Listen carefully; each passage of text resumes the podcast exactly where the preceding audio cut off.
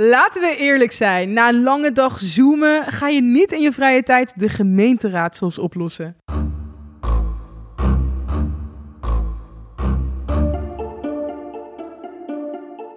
Gemeenteraadsels. Wat beslist een gemeenteraad?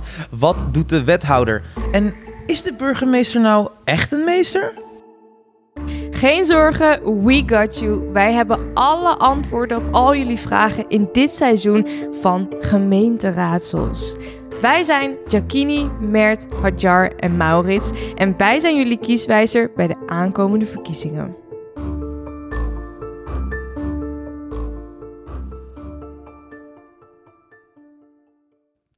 Ja, ja, ja, jullie weten het. Den Haag staat inmiddels gelijk aan de landelijke politiek. Maar ook in heel veel andere gemeenten zoals Sittard Geleen, Duiven, Lemmer, Rotterdam en heel veel andere plekken worden er beslissingen gemaakt over ons leven. En vandaag moeten we het hebben over één gemeente die het extreem zwaar heeft gehad. Um, nou ja, te verduren. heeft het heel erg uh, zwaar te verduren gehad. Welke gemeente denk je dat ik het over heb, Hadjar? Oeh, ik hoor zwaar, ik hoor extreem, ik hoor te verduren. Dat kan alleen Groningen zijn, heel ja, eerlijk. Ja, ja, ja, ja, okay, ja, dat klopt inderdaad. De stad van de koorballen, het forum, heel veel Anne Fleurs. Um, maar ook een gemeente die bekend staat om de extreme gaswinning die al heel lang gaande is. Ja, en de mensen in Groningen die zijn het helemaal zat. Ja, maar als het aan sommige partijen ligt, snappen de Groningers het nog niet helemaal zo. Want zo stelt ook Forum in dit filmpje. In Groningen staat momenteel ook open. Het is het realistische uh, kijk op, op het probleem. Uh, op het moment dat we dat op een gecontroleerde en veilige manier kunnen doen, dan, dan ben ik daar zeker voor. Er ligt natuurlijk een enorme schat uh, aan gas in de Groningse bodem. Het zou zonde zijn om niet te laten liggen. en als we die baten van het gas nou eens echt te goed aan, de, aan de mensen in Groningen, aan de bevolking in Groningen laten te goed komen, dan, dan denk ik dat het draagvlak in Groningen daar ook enorm zal door, verbeteren zal. Inderdaad, de Groningers die snappen er nog niet heel veel van. het is hartstikke gunstig dat je, je regelmatig wakker wordt gemaakt door aardbevingen. Het huis waar je jaren voor hebt gewerkt kapot zien gaan. Je kleine zusje of broertje niet buiten kunnen laten spelen door instortingsgevaar. Die Groningers, die snappen nog niet dat dit een, een, een goede investering is, natuurlijk. ja.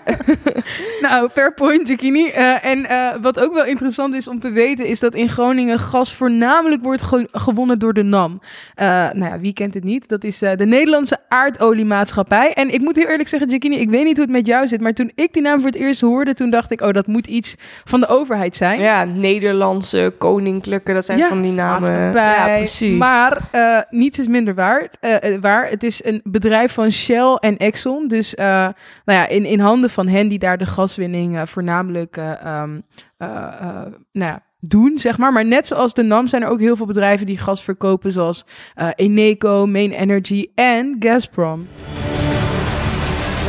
Gazprom is the largest natural gas recovery and delivery company. Gazprom owns the world's largest explored gas reserves, 36 trillion cubic meters. That amounts to 17% of the world's total reserves. Every year, Gazprom is capable of recovering over half a trillion cubic meters of gas. The company is developing fields from the Barents Sea in the west to the Sea of Okhotsk in the east. Very soon, almost a third of all recovered gas will come from a newly developed field on the Yamal Peninsula. Oké, okay, oké, okay, oké, okay. bear with us, want nu wordt het echt juicy.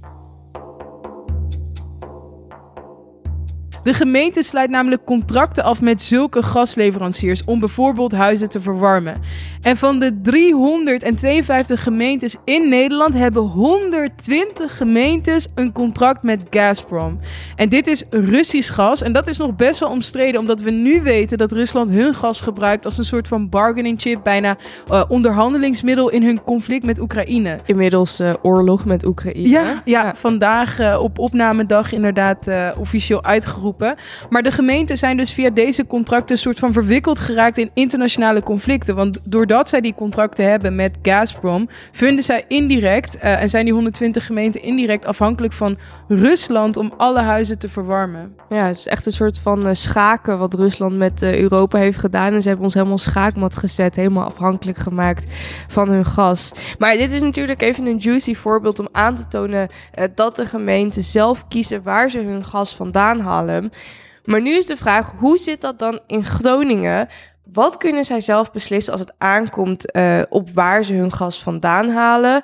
Uh, hoe en door wie?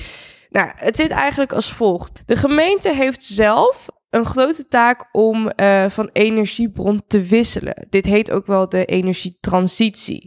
Dus het idee is eigenlijk in Nederland om van het gas af te gaan en langzaam steeds meer op uh, huizen, maar ook bijvoorbeeld bedrijfsgebouwen te laten werken op uh, nou ja, zonne-energie, windenergie, die hele shebang, jullie weten het wel.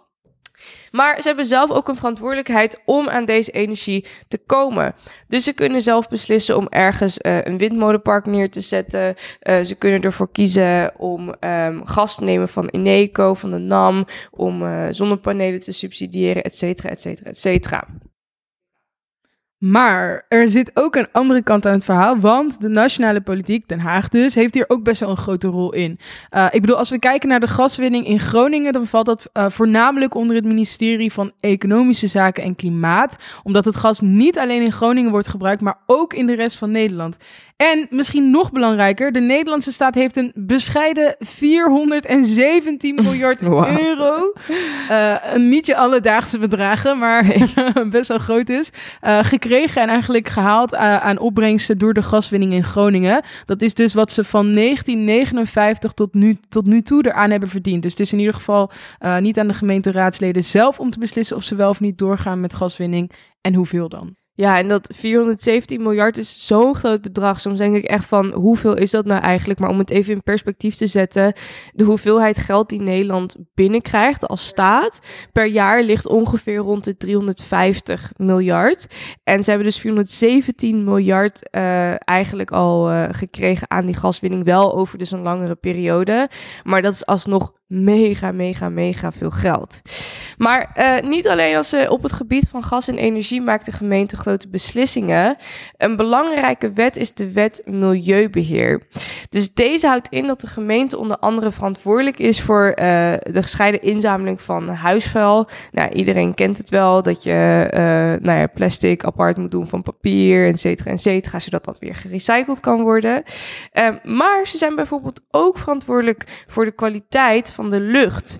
Of deze niet te vervuild is, of dat er te veel gevaarlijke stoffen in zitten. De gemeente die zorgt ervoor dat dit goed wordt uitgevoerd, deze wet. Uh, en ook bepaalt de gemeente of er meer gro uh, groen komt, dus meer parken, bossen, natuuraanleg um, uh, in de stad en in de gemeente. Dus dat zijn sommige bevoegdheden die zij als gemeente zelf wel hebben. Hey, en niet alleen goed voor de mensen, maar ook voor de voor de bijen. En de bloemetjes. Nou, in ieder geval, uh, als je het zo hoort, lastige vraagstukken. In ieder geval, dat is mijn uh, blik een beetje op, Jack. Nou, om hem toch even terug te pakken op het uh, voorbeeld van Groningen en de NAM. Ja, Groningen is best wel een extreem voorbeeld waarbij de gemeente dus um, um, niet superveel te zeggen heeft over waar ze hun energie vandaan halen en hoeveel uh, ze dan willen. Maar bij andere gemeenten is dit wel het geval. De gemeente bepaalt dus voor jou, vooral als je bijvoorbeeld in een sociale huur woont, of jij duurzame stroom krijgt, of indirect bijvoorbeeld een oorlog in Oekraïne vindt. En daarom twee opdrachten. Ga naar de link in onze bio en typ de gemeente in waar jij woont. En dan kan je zien waar jouw gemeente hun gas en energie, energie vandaan haalt. Even een tipje van de sluier. Vooral in Gelderland, een beetje richting Duitsland, zitten heel veel gemeentes die van uh, Gazprom... Uh, en Limburg ook. Limburg ook. Oké, oké, oké. Nou, uh, ga allemaal meteen snel naar de link in de bio om erachter te komen. En tweede opdracht, typ in Google in ten eerste de partij waar je mogelijk op wil stemmen. Twee, het woord energie. En als derde de naam van je gemeente. En zo kan je helemaal kijken wat hun plannen zijn op het gebied van gas en energie binnen jouw gemeente. En zo ben je helemaal ready om straks dat stemhokje in te gaan. Nou, als er één ding duidelijk is, is het wel de invloed van de gemeente eh, en dat die nog redelijk groot kan zijn als het aankomt op klimaat en eh, het voorbeeld energie. Zo groot zelfs dat het contract dat ze tekenen met een gasleverancier voor de gemeente indirect het binnenvallen van andere landen mee kan financieren. Ja, dus als, als één ding duidelijk is, dan is het als klimaat een thema is wat voor jou belangrijk is bij de aankomende verkiezingen, je dan even moet checken hoe het zit met de energieplannen van jouw gemeente. En als je dat gaat doen, vergeet dan vooral niet om via de link in onze bio inderdaad van onze Instagram te checken waar jouw gemeente haar energie vandaan haalt. Ja, dat was hem alweer. Heel erg bedankt voor het kijken en luisteren. Vond je het nou een leuke aflevering? Vergeet dan vooral niet te liken, abonneren. Volg ons op ons kanaal op Instagram, het Kieswijze Podcast. En wij zien jullie snel alweer de volgende keer. Doei! Ciao, doei!